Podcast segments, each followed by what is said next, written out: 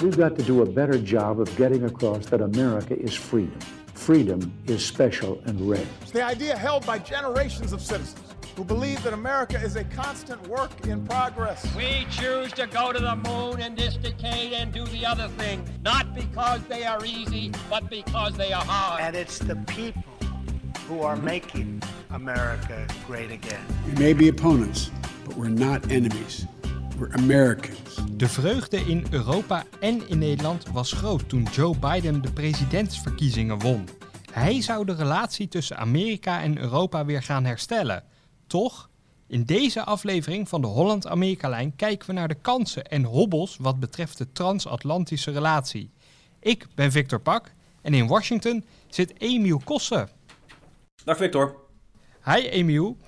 Voor we gaan kijken naar die transatlantische relatie, wil ik nog even terugblikken op uh, onze vorige podcast. Toen hadden we het over Joe Bidens successen en kansen en problemen in Washington DC. Uh, jij zei, vlak voor we begonnen met opnemen, dat je daar wel weer een update uh, over had. Vooral wat betreft de benoemingen die Biden wil doen in zijn kabinet. Want één persoon lijkt nu wel te gaan sneuvelen, begreep ik. Ja, het is een van de verhalen waar je niet zo heel veel over hoort. Op de achtergrond um, zijn senatoren bezig om, uh, ja, om uh, potentiële ministers te ondervragen. Uh, dat is een soort sollicitatiegesprek dat, dat elke minister moet doorstaan. Um, de meeste die worden gewoon goedgekeurd omdat er 50 democraten in de Senaat zitten. En um, ja, met 50 plus Kamala Harris als vicepresident heb je dan een meerderheid en word je goedgekeurd. Maar we hebben nu een, waarschijnlijk hebben we een eerste slachtoffer te pakken. Um, Neera Tanden, die werd door uh, Biden voorgesteld als uh, begrotingdirecteur. Maar uh, Neera Tanden, dat is een, een, een, bondgenoot van Hillary Clinton, die de afgelopen jaren heel veel vijanden heeft gemaakt. Um, iemand als Bernie Sanders, die haat er, omdat ze tijdens de voorverkiezingen vijf jaar geleden lullige dingen over hem zei. Maar op rechts haat ook iedereen er. Um, en interessant genoeg is het een, een, senator in het midden, Joe Manchin, waar we het vorige keer ook over hebben gehad. Een conservatieve de de democraat, de enige zo'n beetje. Ja, die heeft gezegd, um, ik ga Neera Tanden niet, ja, niet aannemen als, als minister. Dat gaat niet gebeuren. Um, en dus moet Biden nu op zoek naar een republikein om, ja, om, om toch te steunen. En dat kan een lastig karwei voor hem worden. De kans dat een republikein haar gaat steunen is klein. Maar de functie die zij zou bekleden is wel een, belangrijke positie, toch? Anders zou er ook niet zo'n gedoe om zijn. Uh, ja, ja het gaat, ze gaat over een hele hoop geld. Um, Mick Mulvaney was de begrotingdirecteur onder Donald Trump. Die had ook een hoop invloed, um, werd daarna chief of staff onder Trump. Het is een, een, een, een plek uh, met aanzien. En ja, dat is ook een van de redenen waarom er nu veel over wordt gepraat. Um, er zijn eigenlijk twee republikeinen waar wordt gekeken. Mitt Romney of Lisa Murkowski. Um, die zouden theoretisch gezien Neera Tanden kunnen redden. Maar um, ja, ik zou er niet van uitgaan. Dat gaan we dan ook maar niet doen. En dan gaan we door met het onderwerp waar we deze podcast echt over gaan hebben. En dat is die transatlantische relatie. Laten we meteen maar even luisteren naar president Joe Biden. Die sprak op een veiligheidsconferentie in München. En ja, daar ging het natuurlijk over. Hoe kan het ook anders? Amerika is terug. America is back. I speak today as president of the United States. at the very start of my administration, and I'm sending a clear message to the world America is back. The transatlantic alliance is back, and we are not looking backward. We are looking forward together. So let me uh, erase any lingering doubt. The United States will work closely with our European Union partners and the capitals across the continent, from Rome to Riga, to meet the range of shared challenges we face. Nou dat zijn dus lovende woorden van Biden um, tijdens zijn eerste speech um, richting uh, andere wereldleiders. Uh, die veiligheidsconferentie van München, dat is een belangrijke bijeenkomst. Uh, die, die vindt elk jaar plaats. Um, daar komen buitenlandministers, er komen andere wereldleiders samen. ja, om het te hebben over een, een, een, een gezamenlijk doel voor dit jaar. Um, volgens Biden is de alliantie tussen Amerika en Europa terug dus. Hij noemt Europa de belangrijkste bondgenoot, Europese landen de belangrijkste bondgenoten in de 20e eeuw en wat Biden betreft ook in de 21e eeuw. Um, nou ja, die lieve woorden werden uh, ongetwijfeld tevreden ontvangen in Europese hoofdsteden. Uh, en in principe waren de Europese leiders ook beleefd terug. Uh, ze zijn natuurlijk blij dat het tijdperk van America First voorbij is, in elk geval qua retoriek. Want um, ja, Europese leiders kregen er veelvuldig van langs de afgelopen vier jaar. Maar eigenlijk interessanter is, als je wat meer ingaat op die Europese reacties, um, dat er ook best wel wat signalen zijn. Dat er grote drempels bestaan om de relatie tussen Amerika en Europa weer, uh, weer te helen. Um, Angela Merkel, natuurlijk op weg naar haar pensionering en staat niet echt bekend om haar, uh, om haar bouwde uitspraken. Uh, die zei weliswaar dat ze een constructieve relatie wil met Amerika. Maar tussen neus en lippen door zei ze ook dat onze belangen niet altijd samen zullen komen. Nou ja, dat is voor Merkel een aardige uitspraak. En, en vooral Emmanuel Macron ging nog wat verder die riep op uh, dat Europa een meer autonome beveiliging moet gaan op, uh, opbouwen buiten Amerika om. En hij wilde die, de dialoog weer aangaan met Rusland. Nou dat zijn nou precies twee dingen waar Biden eigenlijk niet echt op zit te wachten.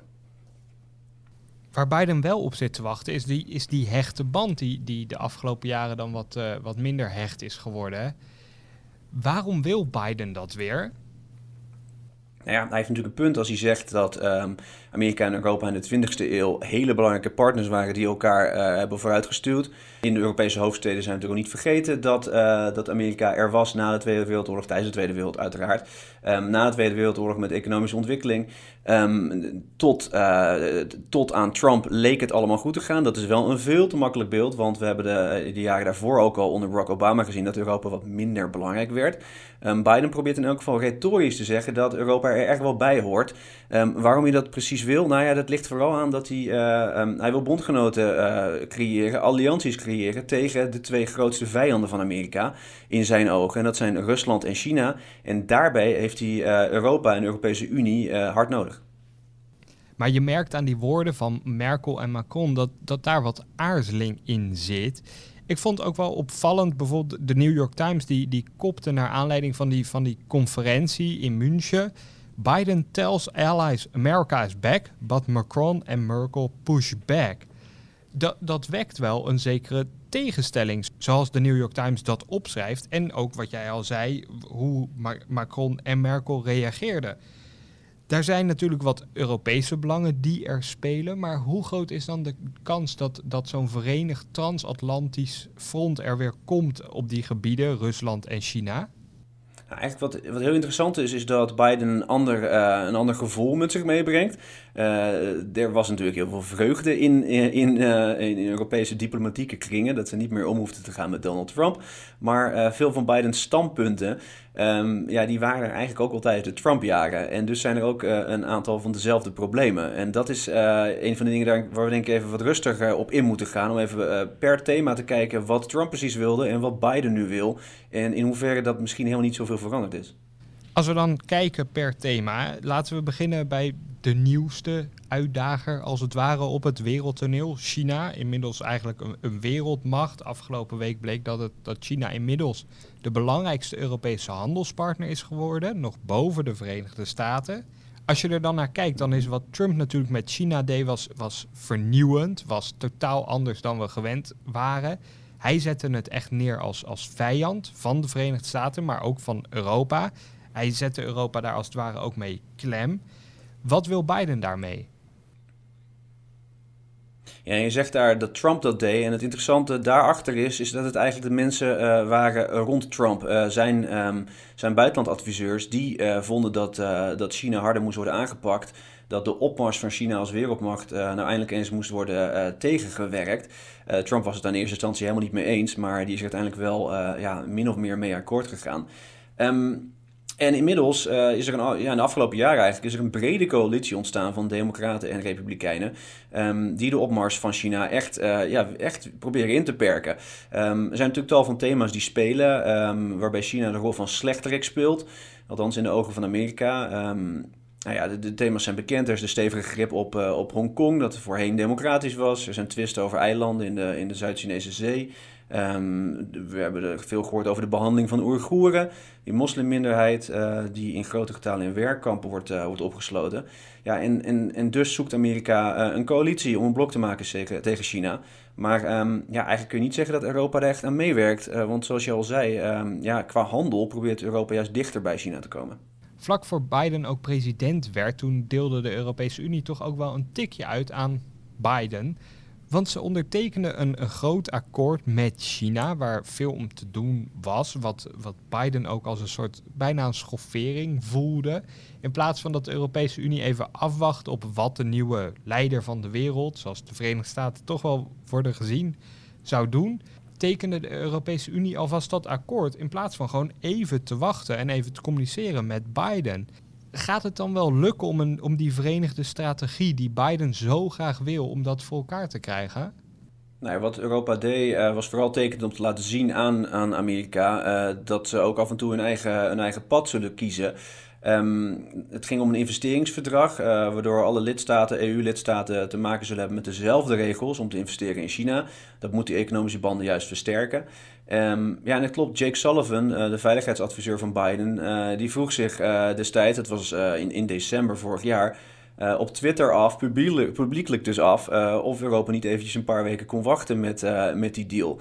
Um, want over die deal wordt al jaren gesteggeld, werd al jaren gesteggeld. En dat werd dus net voordat Biden aan de macht kwam, snel even ondertekend. Um, ja, dat, het is wel tekenend voor het koude welkom dat, dat Biden krijgt. en ja, tekenend voor, voor de uitdagingen die er liggen. Het betekent natuurlijk niet meteen dat, um, dat Europa zich ook niet op bepaalde punten tegen China gaat afzetten. Met die investeringsdeal, die vooral vanuit Duitsland als een belangrijk onderwerp werd gezien, de Duitse auto-industrie en de algehele industrie, dringt er ook heel erg aan bij de Duitse regering om de banden met China goed te houden, want dat is belangrijk voor de economie. Zelfs als dat dus een beetje ten koste gaat van de relatie met Amerika. Verwacht jij dat, dat Amerika of dat Joe Biden naast zo'n tweetje van een veiligheidsadviseur nog iets gaat doen tegen Europa? Om, om te laten weten van, yo, dit vonden we niet zo heel fijn? Nou ja, tot op, uh, tot op heden probeert Biden het helemaal diplomatiek aan te pakken. En dus uh, wordt er vast achter de schermen um, uh, worden er felle debatten gevoerd. Maar um, ja, e-, echt sancties bedenken tegen een, een bondgenoot als, als Duitsland, dat is natuurlijk een, een, een lastige stap. Um, daar speelde de Trump-regering al wel mee. Die heeft uh, die mogelijkheden onderzocht. Er is uiteindelijk voor gekozen om het niet te doen. Um, dat is uh, voorlopig ook het geval uh, in de Biden-jaren. Maar ook interessant is deze discussie die, die je nu schetst, dat Duitsland een aantal van, um, ja, van China's mindere kanten, laten we maar zeggen, van het dictatoriale regime daar probeert te negeren omdat er die economische banden zijn. Ja, hetzelfde gebeurt eigenlijk als we kijken naar het thema Rusland. Um, daar gaat het dan vooral om Nord Stream 2. dat is die, gas, die gaspijp die, die wordt aangelegd van Rusland naar Duitsland. Het grootste deel daarvan is al af. Um, maar in Duitsland ligt die bouw nu een tijdje stil. En daar draait het een beetje om nu. Amerika wil niet dat dat laatste stukje uh, wordt afgebouwd. Omdat uh, Europa dan meer afhankelijk zou raken van uh, Russisch gas. En dus ook Russische politieke invloed misschien. Um, maar Duitsland, die, ja, in ieder geval Angela Merkel en ook haar opvolger um, van haar partij, die zijn eigenlijk voorstander van die pijpleiding. En het, het lijkt er niet in te zitten dat het nog gaat stoppen. En dus moet Biden dan opnieuw gaan bedenken, ja, mm, mm, mm, laat ik dit maar gewoon over me heen komen of gaan we toch iets van, van druk uitoefenen op de Duitsers? Druk uitoefenen op Duitsland kan Amerika natuurlijk wel relatief eenvoudig, want Trump heeft wel één ding geprobeerd te doen en dat is Amerikaanse troepen terughalen uit Duitsland. Biden heeft dat nu stopgezet. Zou hij dat bijvoorbeeld kunnen inzetten als de Duitsers, zowel als het om China gaat als om Rusland, ze een ja, soort lesje te leren?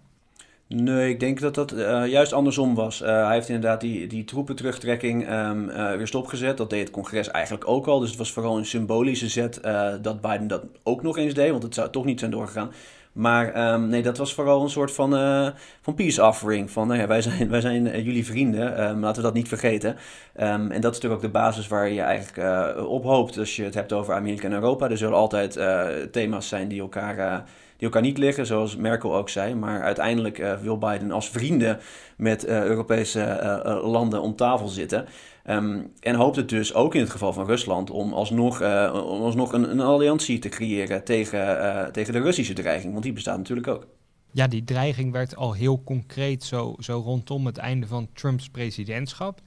Een grote, gigantische hek uit Rusland werd op verschillende Amerikaanse ministeries gepleegd. Die bleek ook al een flink aantal maanden, volgens mij zelfs jaren, gaande te zijn. De SolarWinds hack, zoals die Russische aanval nu wordt benoemd, gaat Biden nog stappen ondernemen tegen de Russen vanwege die aanval?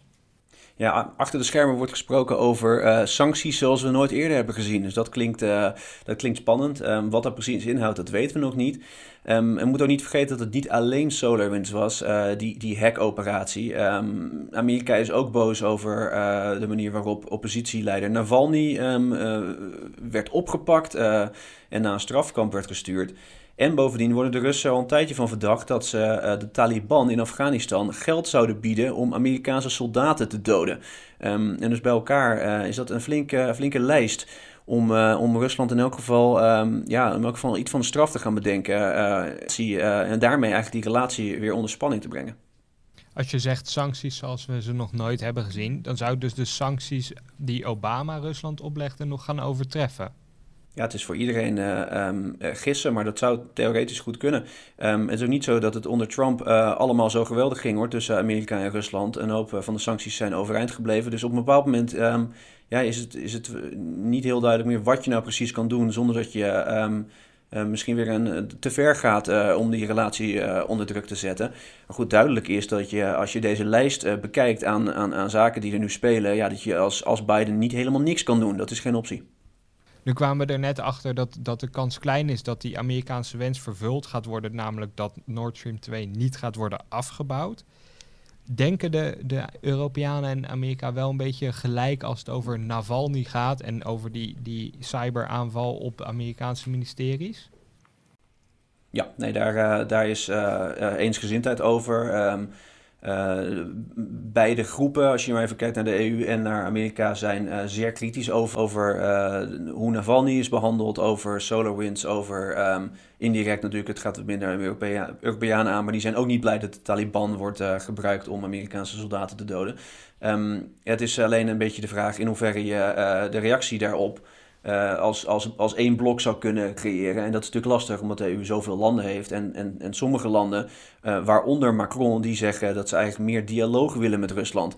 Dus uh, dat zou dan misschien zijn wel stevig toespreken, maar wat meer, minder nadruk op sancties. Terwijl dat niet het lijkt waar Biden op uit is. Nee, Biden is wel een beetje voorbij de fase van nog een dialoog met Poetin beginnen, toch? Dit is misschien ook het voordeel van Biden. Hij heeft heel veel ervaring. Hij heeft Poetin meegemaakt onder president Obama en hoe de relatie toen was. Toen zei uh, Biden, of toen zijn Obama nog zo optimistisch: uh, we gaan een, een, een, reset doen, we gaan de relatie opnieuw beginnen. Um, nou, dat is niet, dat is niet best afgelopen. dat zit nog in Bidens achterhoofd. We gaan zien of de Europese Unie en Amerika onder leiderschap van Biden wel samen gaan optrekken tegen Rusland. Op één platform moeten ze sowieso wel samen optrekken. En dat is de NAVO. De alliantie die al decennia lang bestaat. Waar Amerika en Europa samen in, in samenwerken voor de verdediging, voor hun defensie. Is flink onder druk komen te staan onder Trump. Trump maakte eigenlijk het, het punt dat Obama ook al maakte en Bush daarvoor ook al. Namelijk Europese partners, betaal nou eens echt mee aan die gemeenschappelijke verdediging gaat Biden dat nou heel anders doen, behalve het wat diplomatieker zeggen dan Trump het deed? Nee, ik denk dat je het goed, uh, goed samenvalt. Biden gaat het net op een wat lievere manier vragen. Um, wat we de afgelopen jaren hebben gezien is wel uitzonderlijk. Uh, Trump was retorisch heel fel richting NAVO. Zei op een bepaald moment zelfs dat hij niet wist of, uh, of, er wel, of, ja, of de, de alliantie wel nut had. Um, uiteindelijk is een van de gevolgen wel geweest dat heel veel Europese landen meer bijdragen aan hun defensie nu. Um, maar ja, de prijs uh, is dat er ook heel veel twijfels zijn over de NAVO en over de toekomst van de NAVO. En over de vraag of, um, ja, of Europese staten um, wel naar Amerika kunnen kijken voor beveiliging. Want je weet niet wat voor president er op een ander moment uh, komt te zitten. dat is een, uh, een vraag die, die nu openlijk wordt gesteld door mensen zoals Emmanuel Macron, de Franse premier. Uh, die is eigenlijk een beetje het uh, president, pardon, die is eigenlijk een beetje het uh, informele hoofd van die beweging. vorig jaar zei hij natuurlijk dat de NAVO hersendood was. Um, het liefst zou hij de NAVO zien als, een, ja, als meer een politiek um, orgaan. En dat de defensie beter door Europese landen zou kunnen worden geregeld. De, de defensie van de Europese Unie. Nou goed, daar is zeker geen eenheid over binnen Europa. Ehm, vooral in Oost-Europa en de Baltische Staten is de steun voor de NAVO en Amerika juist nog enorm. Dus uh, dat debat kan worden gevoerd en de, dat is, daar is volgens mij alle reden voor. Het is prima dat zo'n debat wordt gevoerd, maar het is niet zo dat, uh, dat er opeens een Europees leger zou komen. Maar gaat Biden het dan voor elkaar krijgen dat de Europese landen ook echt die beloftes die ze onder het presidentschap van Trump hebben gedaan, namelijk oké, wij zullen ook meer gaan betalen, gaan ze die ook nakomen en kan Biden daarvoor zorgen? Ja, dat gaat Biden dan doen op, uh, op typisch diplomatieke manier. Dus op de achtergrond zeggen, nou ja, als jullie wat meer aan defensie uitgeven, dan, dan mogen jullie uh, deze conferentie uh, leiden. Of dan, dan, dan, dan, zetten we een, een Nederlander op een hoge positie hier en daar. zoals het, het, het wheelen en dealen um, vroeger ging. Maar ja, of dat gaat werken, dat is natuurlijk de, de vraag. Um, Obama had niet zo heel veel succes. Ondanks wat jij zei, had hij natuurlijk wel hetzelfde doel als Trump. meer landen richting die 2%-norm van de NAVO krijgen. Um, ja, het is, het is even afwachten in hoeverre uh, Biden uh, in hoeverre die succes gaat behalen en hoe belangrijk hij het vindt. Want misschien denkt hij wel, uh, nou ja, ja de NAVO, um, we hebben al die, die defensieuitgaven zien stijgen, dus ik laat het maar eventjes zo. Dat is eventjes afwachten. En als we nou verder kijken naar wat Biden voor de NAVO kan betekenen, of vooral wat de Europese partners voor de NAVO gaan betekenen, laten we dan maar meteen inzoomen op ons eigen landje, Nederland. Het voldoet totaal niet aan de normen van de NAVO. En lijkt dat voorlopig ook niet te gaan doen. We zitten op 1,48 procent. Ja, dat is echt, echt nog een half procent tekort van die belangrijke NAVO-norm van 2% van het nationaal inkomen uitgeven aan defensie. Is dat niet pijnlijk? Nederland was er als de kippen bij toen de NAVO werd opgericht natuurlijk. Ja, het is natuurlijk geen nieuw, nieuw verhaal dit. Dit is al, al jaren gaan en er is nog steeds niet echt een plan om naar die uh, eh, 2% te komen. Um, het hangt natuurlijk ook een beetje af wat er gebeurt uh, met de verkiezingen um, in, uh, in maart. Maar uh, ja, nee, het blijft een, een pijnlijk punt, een heikel punt, waar Amerikanen keer op keer op hameren. Maakt ook niet zoveel uit welke ambassadeur er dan in Den Haag zit. Of dat nou iemand is van Obama, um, Tim Broas destijds, die hamerde er ook op. Piet Hoekstra natuurlijk ook. en dat, dat zal een heikel punt blijven voorlopig. Als, je noemde het al, de verkiezingen in Nederland zijn bijna. Ze zijn niet echt zo spannend als ze waren tussen Biden en Trump, moet ik helaas constateren. Maar in de verkiezingsprogramma's van verschillende politieke partijen ja, stemt het ook een beetje somber voor, dat NAVO, uh, voor de NAVO-norm. Eigenlijk vooral het CDA heeft een, heeft een plan om ooit weer eens op die 2%-norm uit te komen. Maar dat duurt dan wel tien jaar. Ik denk niet dat als dat plan al werkelijkheid wordt, dat Biden daar dan heel tevreden mee gaat zijn. Uh, nee, ja, dat is niet genoeg. Uh, ooit hebben de Europese landen, uh, eigenlijk alle landen binnen de NAVO, hebben gezegd dat ze um, die 2%-norm aan die 2%-norm zouden voldoen in 2024. Um, ehm, ja, daar zijn dus nog drie jaar voor. tien jaar zou niet genoeg zijn. Maar goed, dan heb je in ieder geval een plan om richting die norm te gaan. Dat is al heel wat, want ehm, ja, er zijn tal van partijen die daar eigenlijk helemaal niet mee bezig zijn. Een bittere constatering lijkt me dat. Als we dan verder kijken hè, naar de positie van Nederland in dat transatlantisch verbond. Hoe zie jij de verhoudingen zich ontwikkelen tijdens het presidentschap van Biden? Nou ja, um, Mark Rutte was als premier uh, al een paar jaar bezig met een project om uh, Nederland een belangrijke bondgenoot te maken van Amerika. En dat heeft eigenlijk vooral te maken met de Brexit. Um, daardoor hoopt Nederland zich um, uh, te kunnen opwerken als, tot een soort van de eerste Europese, de EU-partner van de Amerikanen. en eigenlijk ook als een soort buffer tussen, tussen Frankrijk, Duitsland en de VS. Daar was Rutte ook al mee bezig tijdens de Trump-jaren. Um, vandaar dat we ook zijn, een beetje zijn charme-offensief zagen. Hij kwam meerdere keren naar Washington. Hij had gematigde oproepen tot, tot samenwerking. Terwijl een groot deel van West-Europa natuurlijk de neus ophaalde voor Donald Trump. Rutte deed dat niet. En ja, je kan verwachten dat, eh, dat, dat hij dat, uh, dat hij die tactiek blijft aanvoeren, mocht hij premier blijven natuurlijk. Um, dan wil hij van Nederland dus een belangrijke partner maken um, voor de Amerikanen. Om eens te vragen, hey, wat gebeurt er eigenlijk in, eh, binnen de Europese Unie als ja, een belangrijke middleman? Die relatie Rutte-Trump was dus redelijk succesvol als het ware. Rutte was een paar keer welkom op het Witte Huis. Misschien was die relatie wel iets beter dan de relatie Rutte-Obama, denk ik. Nee, dat is moeilijk zeggen. Um, Obama kwam natuurlijk ook langs in Nederland. Er waren een hoop, uh, een hoop festiviteiten omheen. Um, interessant natuurlijk is om te zien hoe die relatie met Biden was destijds. Die werd eigenlijk amper opgebouwd. Als vicepresident um, kreeg Biden te maken met MH17. En dus zou je denken dat hij ook een hoop te maken had met Nederland. Maar um, eigenlijk uh, voerde hij de diplomatie destijds uh, vooral via Oekraïne. Um, en dat kwam dan weer door, ja, door eigenlijk het, het, het, het gebrek aan, aan een, een, diplomatieke relatie tussen Biden en de, het Nederlandse politieke stelsel. door de jaren heen waren er meerdere momenten waarop Biden ja, misschien de kans had gehad om in Nederland langs te komen, maar het is niet gebeurd. misschien kan je me herinneren dat Erik Vrijzen, een van onze collega's, die, uh, die schreef een artikel net na de verkiezingen over uh, PvdA-kamerlid Bram Stemerdink. Uh, die was tijdens zijn carrière goede vrienden geworden met Biden. En die zei op een bepaald moment um, tegen zijn collega's in de Tweede Kamer: We moeten die Biden eens uitnodigen. Um, die moeten eens een keer hier mogen officieel worden uitgenodigd voor een lunch of, of een diner of whatever. Zodat we ja, die banden kunnen aanhalen met een, in ieder geval een potentieel um, machtig politicus. Ja, destijds zeiden ze van, nou ja, Biden, wie is dat nou helemaal? Dat vinden we niet nodig. Ja, en nu uh, betaal je eigenlijk een beetje de prijs voor, want ja, banden met Biden die zijn dus niet echt heel warm. Nee, dat zien we ook een beetje terug in, in het feit dat er nog geen contact is geweest tussen Rutte en, uh, en Biden, zover wij weten. In ieder geval niet, niet, in ieder geval niet officieel. Uh, het enige wat we wel, uh, waar we van iets van hebben vernomen, is dat Jake Sullivan, uh, de veiligheidsadviseur, een belletje heeft gepleegd met, um, ja, met een, een beetje zijn collega in Nederland bij Buitenlandse Zaken. Ja, Geoffrey van Leeuwen, de, de, dat was de Nederlander die belde met Sullivan. Maar ja, niet veel mensen kennen Geoffrey van Leeuwen. Niks te nadelen aan een ongetwijfeld een belangrijke ambtenaar. Maar het is niet helemaal het contact waar je misschien op hoopt als jij als land de belangrijkste Europese partner wil gaan worden na Duitsland en Frankrijk. Ja, dat is, uh, het is een, een, start waar, nog een hoop, uh, ja, waar je nog een hoop aan van kan verbeteren, laten we maar zeggen. Um, Biden heeft ook echt heel weinig met Nederland, voor zover we weten. Um, hij is een, een, liefhebber van Nederlandse schilders. Uh, van ons voetbalelftal. Uh, en, en hij weet dat er een koningin is. Maar ik denk dat dat het wel ongeveer is uh, wat dat betreft. Voor zover we weten is Biden dus ook nooit in Nederland geweest. In elk geval niet op, op werkreis. Uh, nou ja, het is dan uh, waarschijnlijk aan uh, de volgende premier van Nederland om daar verandering in te brengen. ook belangrijk is om, om te zien wie de ambassadeur wordt in Den Haag.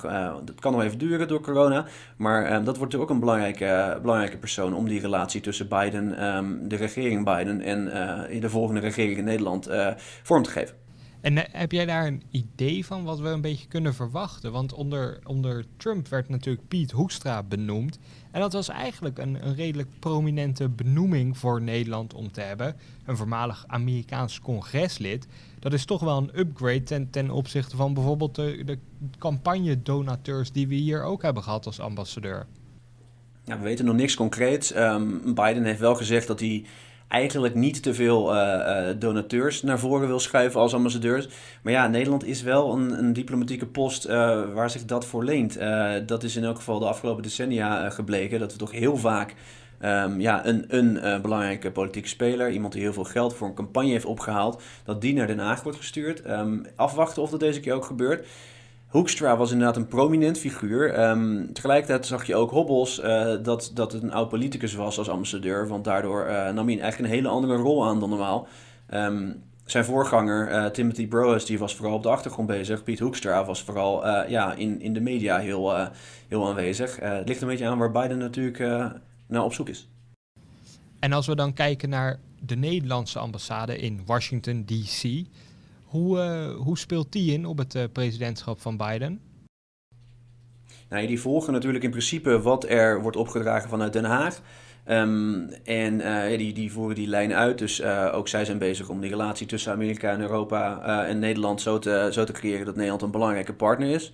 Um, zij zien ook positieve noten in, um, in die eerste weken van Joe Biden is wel goed om te benoemen. Um, er waren tijdens de inauguratie van Biden natuurlijk uh, bijna geen mensen uitgenodigd. Um, de hele stad was leeg, uh, er waren alleen maar soldaten. Maar een van de mensen die wel op die stoeltjes mocht zitten bij het Capitool was onze eigen ambassadeur André Haspels. Um, en dat is uh, wel een goed teken dat die relatie tussen Nederland en Amerika ja, nog, nog altijd, eigenlijk al natuurlijk al tientallen jaren zo, nog stabiel is. En tenslotte in deze podcast de nieuwste rubriek van de Holland-Amerika-lijn de presidenten van Petersen, waarin Amerikanist Koen Petersen een anekdote vertelt over een van de 46 Amerikaanse presidenten.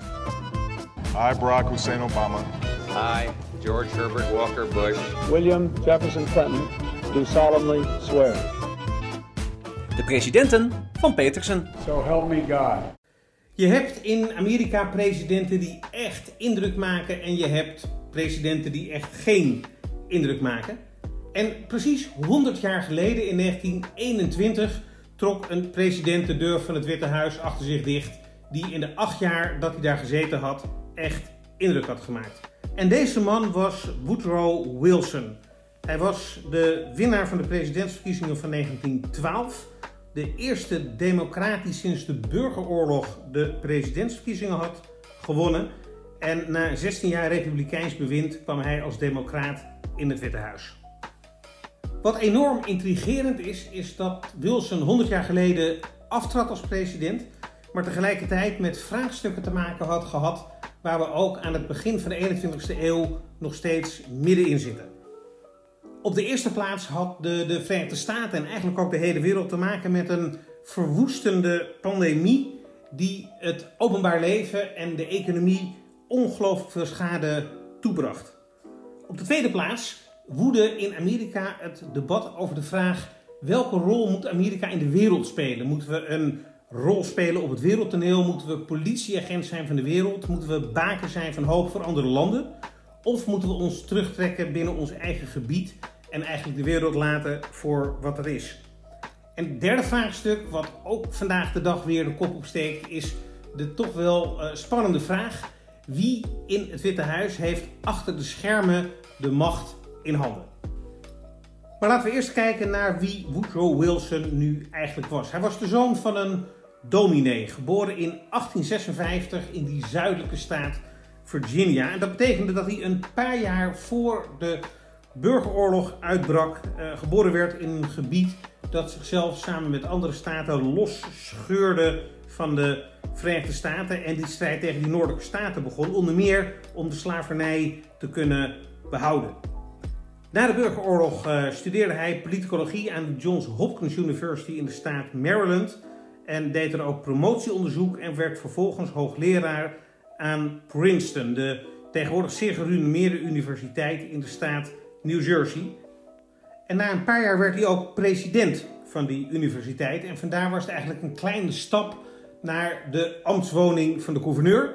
Hij werd in 1910 gekozen als gouverneur van uh, New Jersey. En uh, maakte blijkbaar zoveel indruk dat hij in 1912 in staat was om met beperkte politieke ervaring toch presidentskandidaat te worden van de Democraten. En daarna ook de verkiezingen te winnen. En daar hadden de Democraten toch wel een heel klein beetje geluk, omdat de Republikeinen, die tientallen jaren aan de macht weer uh, waren in uh, Washington, verdeeld waren geraakt. president Theodore Roosevelt had acht jaar in het Witte Huis gezeten, had in de traditie van na twee termijnen wegwezen de macht in de Republikeinse Partij overgedragen aan William Howard Taft. Roosevelt was heel erg progressief. Taft was toch uiteindelijk weer in de handen gekomen van uh, de Fat Cats, de conservatieve republikeinen. Roosevelt wilde terugkomen, dat lukte niet, die begon zijn eigen partij. En daardoor had de, de republikeinse kiezers de keuze uit twee verschillende partijen. De stemmen raakten verdeeld en zo wist Wilson met slechts 42% van de stemmen de verkiezingen op een normale manier te winnen. Wilson ging als een uh, echte democratische progressief uh, aan de slag en hij was groot voorstander van een actievere overheid. En daar bouwde hij ook uh, actief aan. Zo legde hij bijvoorbeeld de basis voor het huidige centrale bankstelsel, dat eigenlijk wordt gereguleerd door de Federal Reserve, door de wet aan te laten nemen waarin dat werd georganiseerd. En was hij ook de president die verantwoordelijk was voor de eerste federale inkomsten belastingen die werden geheven in de Verenigde Staten. Maar helaas voor Wilson gebeurde er ook iets anders verschrikkelijks. En dat was de uitbraak van de Spaanse griep in 1918. De pandemie van de 20e eeuw.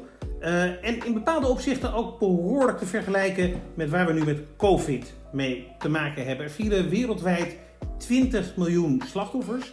600.000 in de Verenigde Staten, die toen een veel kleinere bevolking hadden dan vandaag de dag. Het verlamde de economie, het verlamde het openbaar leven, het legde een bovenmatige druk op de zorg. En ook werd mondbedekking geadviseerd aan burgers om elkaar niet aan te steken. En het was veel lastiger dan nu misschien nog wel om in te dammen, want de overheid in de Verenigde Staten was nog veel kleiner, veel minder professioneel. De communicatiemiddelen waren ook beperkt, dus het virus kreeg ook in dat opzicht behoorlijk vrij baan. En wat het ook makkelijker maakte voor het virus om heel veel schade aan te richten, was het feit dat die Eerste Wereldoorlog nog speelde. En die oorlog en de afloop daarvan eiste eigenlijk van alle wereldleiders het grootste deel van de aandacht uh, op. Interessant is dat net als Donald Trump een eeuw later ook Wilson slachtoffer werd van de pandemie, die grotendeels ook een druk legde op zijn presidentschap. Hij hoefde niet aan het beademingsapparaat, maar hij kreeg wel hallucinaties. Waarbij hij toch de indruk had dat hij werd omringd door spionnen. En dat maakte de mensen in zijn omgeving natuurlijk behoorlijk zenuwachtig. En misschien was dat ook niet helemaal vreemd, want Wilson zat niet in de Verenigde Staten toen hij werd besmet, maar in Parijs.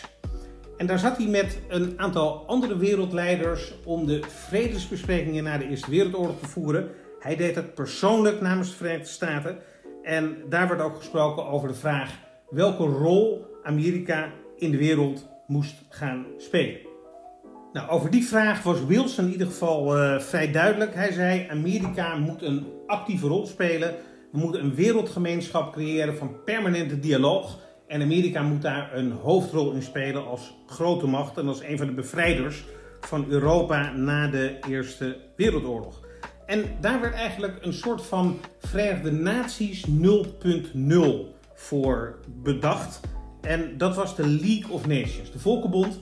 Wat ik al zeg, een beetje te vergelijken met de Verenigde Naties, waarbij landen met permanente vertegenwoordigers, permanent overleg naar duurzame relaties en voorspelbare onderlinge verhoudingen zouden streven. En mochten er conflicten zijn, dan zouden die, die ook in de Volkenbond met overleg worden opgelost. Het probleem voor uh, Wilson was echter dat in de Verenigde Staten de mensen van wie hij afhankelijk was voor deze plannen nog helemaal niet zo ver waren. Want de Republikeinen, wat meer conservatief dan de Democraat Wilson, hadden een meerderheid in de Senaat. En zoals ook nu nog het geval is, moet de Senaat volgens de grondwet met twee derde meerderheid goedkeuring geven aan verdragen die een president afsluit. Nou, Wilson was een vrij koppig persoon die zei my way or the highway. En de Republikeinse senatoren zeiden, nou ja, prima, maar dan keuren wij dat verdrag niet goed en dan heb je helemaal niks. Nou, Wilson liet dat niet op zich zeggen. Die ging een enorme reis maken door de Verenigde Staten, allerlei staten af, om de kiezers ertoe te bewegen zich achter zijn plannen te scharen en druk uit te oefenen op die senatoren uh, en ze in geval van nood ook een nieuwe termijn onmogelijk te maken, om op die manier eigenlijk de Senaat op de knieën te dwingen en hem te steunen met dit plan. En achter de schermen waren de Republikeinen ook wel signalen aan het afgeven dat ze bereid waren om met de nodige mitsen en maren en voorbehouden misschien toch een stuk in de richting van Wilson op te schuiven. Maar het noodlot sloeg In oktober 1919, tijdens zijn reis door de Verenigde Staten om die steun te genereren, kreeg Wilson een beroerte. En die sloeg behoorlijk hard toe. Uh, aan de linkerkant was hij eigenlijk volledig verlamd. Een groot deel van zijn zicht was uh, verloren en hij kon eigenlijk niet meer zelfstandig functioneren. Maar goed, je had nog geen Twitter, nog geen Facebook, nog geen internet, dus het besluit werd genomen: we houden dit geheim. We leggen Wilson op zijn slaapkamer in het Witte Huis. We geven niemand toegang tot hem en niemand weet wat er uh, aan de hand is. En zijn echtgenote Edith, die wierp zich op als liaison d'amour tussen de president en zijn kabinet. Als de ministers stukken moesten laten tekenen, dan konden ze die bij haar inleveren. Uh, zij hield dan de hand van haar man vast, terwijl hij dan bibberend een handtekening zette. En vervolgens gaf zij die stukken weer terug. En als ze wilde dat stukken niet werden ondertekend, dan gaf ze die niet aan haar man. En daarmee werd zij in de ogen van velen de eerste vrouwelijke president van de Verenigde Staten, zoals dat in die tijd werd genoemd. Ook werd nooit officieel erkend dat Wilson een beroerte had gehad. Er werd gezegd van oké, hij is wat ziek en hij mag geen bezoek ontvangen. Geef de stukken maar aan mij, wij regelen alles. Maar dat hij eigenlijk half verlamd in zijn bed lag en niet in staat was om president te zijn, dat werd niet aan de grote klok gehangen. En ook de vicepresident Thomas Marshall, een oud-gouverneur van Indiana, net als Mike Pence, werd niet op de hoogte gesteld van de feitelijke situatie. Maar goed, zoals het zo vaak gaat in politieke omgevingen, het lekte uiteindelijk toch uit. En er werd ook druk uitgeoefend op de vicepresident om uh, te kijken hoe hij de macht, of in ieder geval de bevoegdheden van de president kon overnemen. Je had daar toen nog niet echt goede formele regelingen voor zoals nu. Maar Marcel had daar geen eh, zin in. Hij vond het niet de goede manier om uh, op te treden. En dat betekende eigenlijk dat uh, mevrouw Wilson en de presidentiële arts Carrie Grayson samen de presidentiële macht uitoefenden zonder feitelijke controle of openbaarheid. En in die tijd van meer geslotenheid en minder openbaarheid kon zo'n situatie voortduren tot aan de inauguratie van de opvolger van Wilson. En dat was de republikein Warren Harding. Wilson sleepte zich nog één keer uit zijn bed, deed zijn hoge hoed op, zorgde ervoor dat hij samen met zijn opvolger in de koets naar het kapitool kon worden gereden om de inauguratie bij te wonen. En daarna trok hij zich terug in een huis dat hij in de laatste maanden van zijn presidentschap had aangeschaft in Washington DC, niet ver bij het Witte Huis vandaan. En daar overleed hij een paar jaar later. Nou, hoe wordt er op uh, Wilson uh, teruggekeken? Ondanks dat hij niet alles heeft bereikt wat hij wilde, heeft hij een behoorlijk stevige reputatie in de ogen van historici en journalisten. In de rangschikking van de 45 presidenten die we tot nu toe hebben gehad, cirkelt hij steeds rond plaats 10 en dat is echt een hele goede notering. Waarom staat hij zo hoog? Hij heeft de aanzet gegeven tot een sterkere federale overheid. En hij heeft daar de eerste stappen voor gezet. En men zegt dan ook, hij heeft het fundament gelegd voor de New Deal, die grote Amerikaanse variant van de verzorgingsstaat die Franklin Roosevelt heeft uh, kunnen ontwikkelen. En alle sociale programma's die in de jaren 60 door Lyndon Johnson werden opgetuigd, vinden ook eigenlijk hun fundament in alles wat Wilson heeft gedaan. En daarnaast heeft hij ook toch wel vernieuwend buitenlands beleid voor de Verenigde Staten uitgetekend. Dat werd niet meteen in zijn tijd omarmd, maar als je toch kijkt hoe de Verenigde Staten in dat denkmodel na de Tweede Wereldoorlog een macht in de wereld van formaat zijn geworden, dan worden daar toch wel de vingerafdrukken van Wilson in teruggezien. Wat wel eigenlijk hem heeft ingehaald is het debat over racisme en die multiculturele samenleving in de Verenigde Staten. Ik zei al, hij werd grootgebracht in een zuidelijke staat tijdens en kort na de burgeroorlog. En dat maakte hem, vriendelijk gezegd, nogal ongevoelig voor de gevoelens en de ambities van de zwarte Amerikanen. Het balanceerde volgens veel mensen op de grens van racisme. Of dat nou precies zo is gebeurd of niet, vind ik persoonlijk lastig te beoordelen. Maar dat hij tegen de huidige standaard veel harder wordt afgerekend dan in zijn eigen tijd, dat is een realiteit waar we mee te maken hebben. En zo heeft de universiteit waar hij toch president van is geweest en die hij als springplank gebruikte naar zijn carrière in de politiek, heeft zijn naam, Wilson's naam, verwijderd van de School voor Publiek Beleid. Uh, vanwege zijn, zoals werd genoemd, racistisch denken en zijn racistische beleid. Wilson zal zich dus vooral tevreden moeten stellen met de inspiratie die zijn opvolgers beleidsmatig uit zijn daden en denken hebben geput. En dat is misschien ook wel iets waar hij zich nu mee kan verzoenen. Hartelijk dank Koen. We kijken uit naar de volgende presidenten van Petersen. Hartelijk dank u voor het luisteren naar deze aflevering. Vergeet u niet te abonneren op het kanaal van EW, waarin u ook de nieuwste EW-verkiezingspodcast vindt. Wij zijn er over twee weken weer. Graag tot dan.